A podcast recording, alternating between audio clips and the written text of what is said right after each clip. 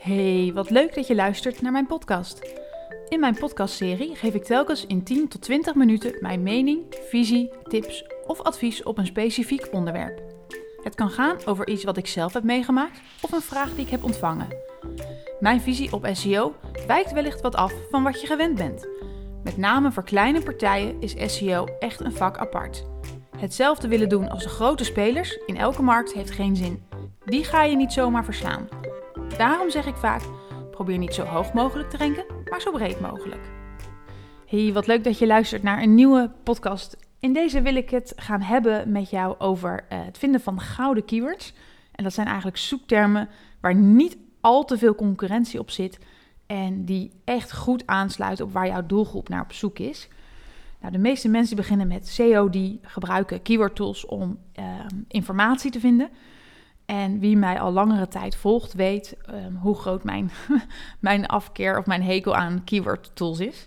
Um, ik zal er niet al te lang over uitweiden. Uh, heel beknopt heb ik een aantal problemen met keyword tools.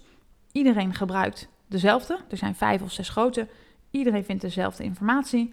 Iedereen gaat min of meer dezelfde content maken en dezelfde zoektermen najagen. Ik vind dat dat je oogkleppen opzet. Um, ik heb ooit eens getest met Search Console waarvan Google zei waar je op gevonden werd en wat je dan uh, daarvan terugvindt in de keyword planner. Nou, ik vond van de meeste zoekwoorden nooit meer zoekvolume, terwijl mijn site er wel op gevonden was. Um, ehm, 15% van de zoekopdrachten is nieuw per dag, dus die vind je sowieso niet in keyword tools. En um, dan vind ik eigenlijk ook nog dat je met keyword tools nooit het probleem van je klant vindt. Dus heel kort, wil je er meer over uh, weten? Ik heb daar nog een andere podcast over en die zal ik ook binnenkort eens gaan, gaan updaten. En die gaat over uh, de, de zin en onzin van keyword tools. Maar goed, hoe kom je dan um, wel aan goede keywords als ik vind dat je niet in keyword tools moet zijn? Nou, ik heb een, uh, een aantal. Uh, er zijn eigenlijk een aantal plekken waarop je kunt starten. En ik denk dat je onderscheid moet maken tussen twee soorten stromen. En um, de, de meest voor de hand liggende plekken waar je kunt starten zijn dingen als de zoekresultaten. Wat schrijven anderen? De, wat, de mensen vragen ook, die module van Google, wat je daarin ziet. Suggesties die Google onderaan de, de zoekresultaten doet, maar ook soms al tijdens het typen. Of die die laat zien als je op desktop eh, de grote balk ziet als je aan het typen bent. Um, je kunt kijken bij andere spelers en dan heb je natuurlijk ook dan dus de keyword tools en answer the public. Nou, um, wat ik het probleem vind met al deze vijf plekken, um, is dat al deze tools openbaar zijn. Iedereen kan ze gebruiken, iedereen vindt dan ook dezelfde informatie en gaat dus hetzelfde doen. Dus jij hebt nooit informatie of zoektermen um, ja, waar je, waar, waar, die een ander niet gevonden heeft. Dus het is geen slechte startplek. Het is alleen je moet weten dat iedereen die eenvoudig kan vinden. En um, als je naar de afbeelding kijkt van deze podcast, heb ik daar de ijsrots opgeplakt. En die staat ook op de voorkant van mijn boek.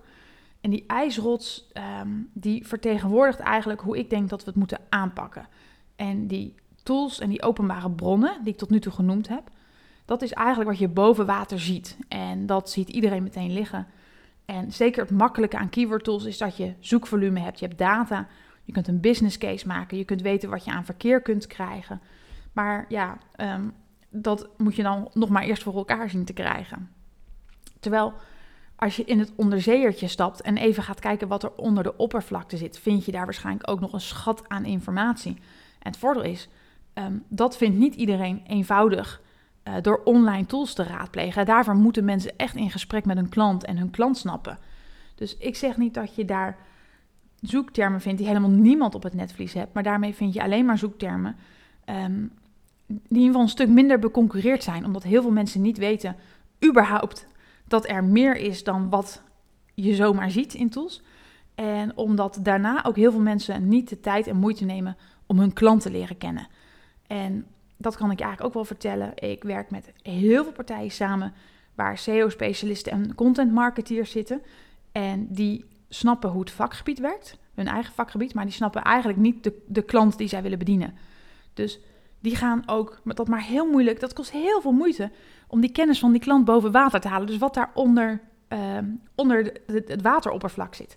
Dus als je daar bezig bent, dan ja, heb je het gewoon een stuk rustiger en kun je makkelijker uh, um, input vinden. Nou ja, dit zijn de manieren die ik nu ga behandelen, dat vind ik eigenlijk de manieren om dus die gouden zoektermen te vinden, die verborgen liggen onder de oppervlakte. En daarvan heb ik uh, zes manieren om die te vinden. En de eerste is um, eigenlijk eens even gaan kijken in Amerika. Wie is jouw Amerikaanse tegenhanger en waar schrijft die nou over? En dan kun je um, gaan kijken naar onderwerpen, je kunt naar rubrieken kijken, naar het soort content. Um, in uh, Nederland vind ik eigenlijk dat je daar uh, heel erg mee moet oppassen, omdat je al snel hetzelfde gaat doen. Maar als je in Amerika gaat kijken, kun je natuurlijk veel meer inspiratie opdoen. En die hebben ook echt een andere markt. En misschien kun jij zeggen hé, hey, ik pak dit onderwerp, maar ik vul het voor de Nederlandse markt in. Of ik vind deze rubriek super interessant. Ik ga die, uh, rubriek overnemen, maar daar mijn eigen invulling aan geven. Dus ga nooit zonder meer hetzelfde doen. Um, zeker met een Nederlandse speler niet. Uh, en pas ook met Amerikaanse partijen op. Um, en met hetzelfde bedoel ik niet eens kopiëren plakken. Dat is überhaupt uh, uitgesloten. Maar ga daar eens even kijken wat die aan het doen zijn. Waar die hun verkeer vandaan halen. In SEMrush um, kun je daar veel van vinden. En daar vind je vaak ook wel weer interessante aanknopingspunten voor, uh, voor jezelf.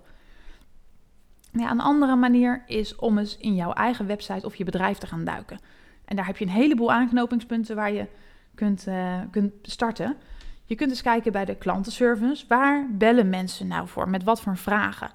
En dan wil je niet de input terug van ja, ze bellen wat de specificaties zijn van dit ding of wat het kost. Dat is natuurlijk ook interessant, maar waar we nu naar op zoek zijn, is echt welk probleem hebben mensen en um, hoe willen ze dat opgelost krijgen. Dus dat voorbeeld met de audio interface.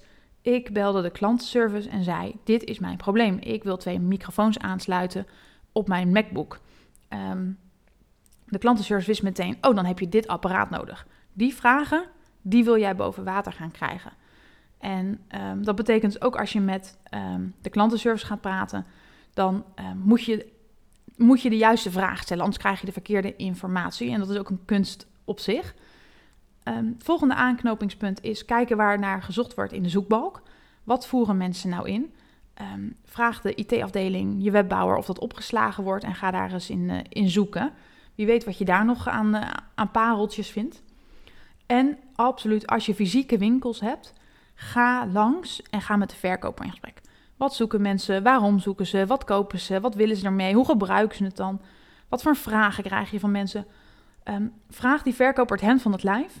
En ook hier is de kunst eerder in het stellen van de juiste vragen, dat je de juiste informatie krijgt. Anders komt de verkoper ook terug met ja, mensen willen allemaal weten wat de levertijd is. Ook interessant, maar dus niet waar we hier naar uh, op zoek zijn. Dus de kunst van het vragen stellen moet je je wel eigen maken. Um, de volgende manier is het opstellen van een doelgroepsprofiel. En ik vind dat eigenlijk altijd super interessant. Dat is een van de manieren die ik altijd doe. En dat is in kaart brengen wie is onze persona of onze doelgroep. En daar gaan we aan de slag. En over persona's versus doelgroep, daar kun je echt al tien podcasts apart over maken. Dus daar ga ik nu niet al te veel op in. Maar je wilt weten wat er leeft bij de klant die jij dus wilt gaan, eh, gaan zoeken. Um, of gaan, sorry, niet gaan zoeken, maar die je wilt gaan bedienen. En ook hier betekent dat jij de juiste mensen moet gaan ondervragen die contact hebben met jouw klant. En dan wil je weten wat iemand zijn probleem is, waar die wakker van ligt. Uh, welke zorgen of angst iemand heeft, welke vragen, uh, frustraties, maar ook interesses. Ik sprak laatst met een uh, klant van de klant en toen vroeg ik wat hij graag wil lezen. En uit die onderwerpen kwam zoveel interessants naar voren dat ik dacht van, oh weet je, maar dit moeten wij dan ook gaan maken. En dat zijn geen onderwerpen die mensen zoeken die ze meteen uh, die willen converteren, maar dat zijn wel onderwerpen waar onze doelgroep naar op zoek is. Um, informatie die ze willen lezen. En dan heb je een langere buyer journey, maar dan kan je wel in contact komen met een nieuwe uh, doelgroep. Dus ook die interesses, dat is echt super interessant om die inzichtelijk te gaan krijgen. Nou, en hoe doe je dit? Want dit is ook weer de kunst van het vragen stellen. Je moet eerst weten wie in de organisatie heeft contact met mijn doelgroep. En daar moet je mee in gesprek komen. En dan moet je ook weten, want je krijgt heel veel doelgroepen terug. Welke doelgroep is het makkelijkst online te bereiken? Um, kunnen we eenvoudig overhalen? Um, levert misschien het meeste op? Dus ja, daar, als je er meerdere hebt, moet je hier ook een slimme keuze in gaan, gaan maken. In mijn boek ga ik vooral op dit stuk ontzettend in. Hoe kun je nou um, ja, zo'n persona of zo'n doelgroepsprofiel opstellen. Dus daar, uh, als je zegt, ik wil daarmee aan de slag, dan kan mijn boekje daarin verder helpen. De volgende manier is de klantreis in kaart brengen. En dat lijkt heel erg op het doelgroepsprofiel. Behalve dat hij net weer een andere uh, nuance heeft. Want met de klantreis wil je echt weten, uh, wat denkt iemand in welke stadia? En je kan see, think, do en care erbij halen. Het nadeel vind ik dat we al snel in discussies verzanden. Wat is see en wat is think en wat is do? Steeds vaker teken ik een tijdlijn. Met 0 is het moment van conversie. En dan gaan we naar min 1 tot min 10. En dan gaan we kijken van, goh, hoe ziet dat er nou uit? Welke vragen heeft iemand? Welke volgende vragen roept dat dan op? Um, en dat kun je eigenlijk maken op basis van die informatie die jij boven water hebt gekregen met je doelgroepsprofiel. Kan je dat uittekenen. En um, daar moet je ook zelf bij gaan nadenken. Hè. De informatie wordt je niet zomaar op een presenteerblaadje aangereikt. Um, maar je moet zelf gaan nadenken, als iemand deze vraag heeft en ik geef hem dit antwoord, wat is dan de volgende vraag? Dus dit moet je ook doen met een inhoudelijke specialist samen. Nou, als je dan die klantreis in kaart brengt, dan komen daar heel veel onderwerpen uit. En dan weet je eigenlijk ook meteen hoe je die aan elkaar kunt linken op je website. Hoe je iemand er doorheen kunt, uh, kunt leiden. Um, de volgende manier is je assortiment. En dat vind ik heel erg grappig, want vaak is dit een, uh, um, een blinde vlek in de zin dat mensen um, of de verkeerde dingen denken, de, de, mensen die binnen een bedrijf werken, uh, of ze hebben het niet in, in beeld. Maar je assortiment kan echt serieus een gouden plek zijn om heel veel informatie te vinden. En daarvoor moet je eigenlijk je als een leek naar jouw eigen producten gaan kijken. En dat is ontzettend moeilijk. Dus als je dit niet zelf kan, heb je iemand nodig die die leek is en die eigenlijk alle domme vragen stelt. Maar als één iemand die vragen heeft, dan kun je er eigenlijk van uitgaan dat meer mensen die vragen hebben. Dus um, ja, in mijn boek geef ik het voorbeeld van, van de pannenwinkel. En welke vragen iemand allemaal kan hebben als het over een pan gaat. Of welke aannames. Of hoe mensen het verkeerd gebruiken. Of mythes en fabels. En um, nou ja, je, je, assortiment kan echt een bron zijn van vragen waar je op in, uh, op in moet gaan. En het leukste is als je dan toch in die fysieke winkel bent, uh, als je die hebt. Ga dan niet alleen met de verkoper in gesprek, maar ook eens met een, uh, een klant. Hè. Ga dan vragen um, waar ze naar op zoek zijn en waarom en hoe dat dan zit en wat ze er dan mee willen. Ik weet niet of je wel eens op RTL Z The Profit kijkt. Vind ik een fantastisch programma. Um, het zijn herhalingen van heel vroeger, maar die man die doet dat altijd, die Marcus Lemonis. Als hij een bedrijf in nood gaat helpen, dan gaat hij altijd in gesprek met de klant in de winkel. En dan vraagt hij altijd van, goh, wat vind je ervan? Wat kan beter? Wat doe je hier? Wat zoek je precies? En daarmee krijgt hij zoveel waardevolle informatie dat moet jij dus eigenlijk ook doen. In gesprek gaan met die klant en, uh, en die persoon leren kennen. Uh, en dan ja, over het assortiment gaan, praten. Nou, en dan de laatste is eigenlijk een soort van uh, zekerheidsbakje, een soort van prullenbakje. Ik, ja, dat zijn de vijf of zes W's. De wie, wat, waar, wanneer, waarom, waarom niet. De hoe en de hoe niet.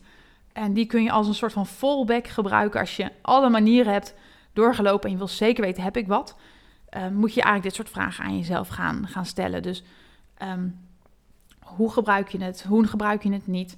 Uh, waarom doe je het zo? Waarom doe je het niet anders? En dan kun je naar je eigen assortiment of naar je diensten gaan kijken. En ik denk dat um, deze aanpak zowel voor webshops als voor um, partijen die diensten aanbieden super interessant zijn. En met name dat hele klantverhaal waar jouw klant dus mee, mee komt. Um, als jij een coach bent of een therapeut, dan wil jij van alles weten. Of dan weet jij eigenlijk ook waarom mensen bij jou komen, welke problemen ze hebben. En in mijn boek geef ik het voorbeeld van een relatietherapeut.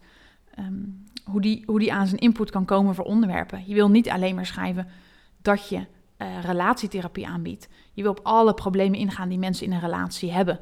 Nou, dat is eigenlijk hetzelfde verhaal hier zo. Um, dus eigenlijk een heleboel uh, um, manieren. In mijn, ik maak hier ook een blog bij, bij deze podcast. Um, elf manieren, waarvan er eigenlijk vijf je helpen aan inzichten die iedereen heeft. Dat is dus de informatie boven de ijsrots, wat je in beeld hebt. En er zes zijn om op zoek te gaan naar informatie die niet iedereen heeft. En um, ja, je hebt dan dus geen data, want je weet niet hoe vaak erop gezocht wordt. De informatie die jij vindt als je dat in keyword tools gaat checken, zul je ook misschien niet eens zoekvolume terugkrijgen. En dat is het moment waarop heel veel partijen zeggen, maar dan schrijf ik er ook niet over. En dan, ja, dat is echt een persoonlijke frustratie van mij. Daar kan ik echt nog podcasts over vol spreken en die zal ik je besparen. Maar juist als je geen zoekvolume vindt, gaat niemand erover schrijven. En dus is het misschien nog relevanter. En dan kan je zeggen, ja, maar het zoekvolume is misschien zo klein, dat is niet interessant. Nee, als dat het enige is wat je gaat doen, dat, dat enige, ene onderwerp, dan is het niet interessant. Maar als je op deze manier heel veel informatie krijgt en met al de informatie aan de slag gaat, heb jij zoveel relevante content dat je daar waarschijnlijk wel heel veel verkeer mee kunt gaan aantrekken. Dus staar je ook niet blind op wat de keyword tools daarna zeggen. Hè. Keyword tools, ehm, ik vind het echt ja, de meest misleidende informatie. Ehm, ze zijn echt wel ergens goed voor, maar ik vind dat ze niet jouw contentstrategie mogen beperken. Dus laat je daar ook niet door, uh, door van het pad brengen.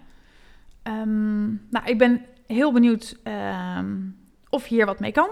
Ik hoop ook dat je natuurlijk andere dingen mee kunt doen en dat je dus, dus de diepte in gaat duiken. Je zal misschien zien hoeveel energie het je kost, hoeveel moeite het en tijd het je gaat kosten. Maar dat vind ik altijd. De dingen die het meest waardevol zijn, zijn niet het eenvoudigste. Dus ehm, ga dit toch echt eens, uh, uitzoeken.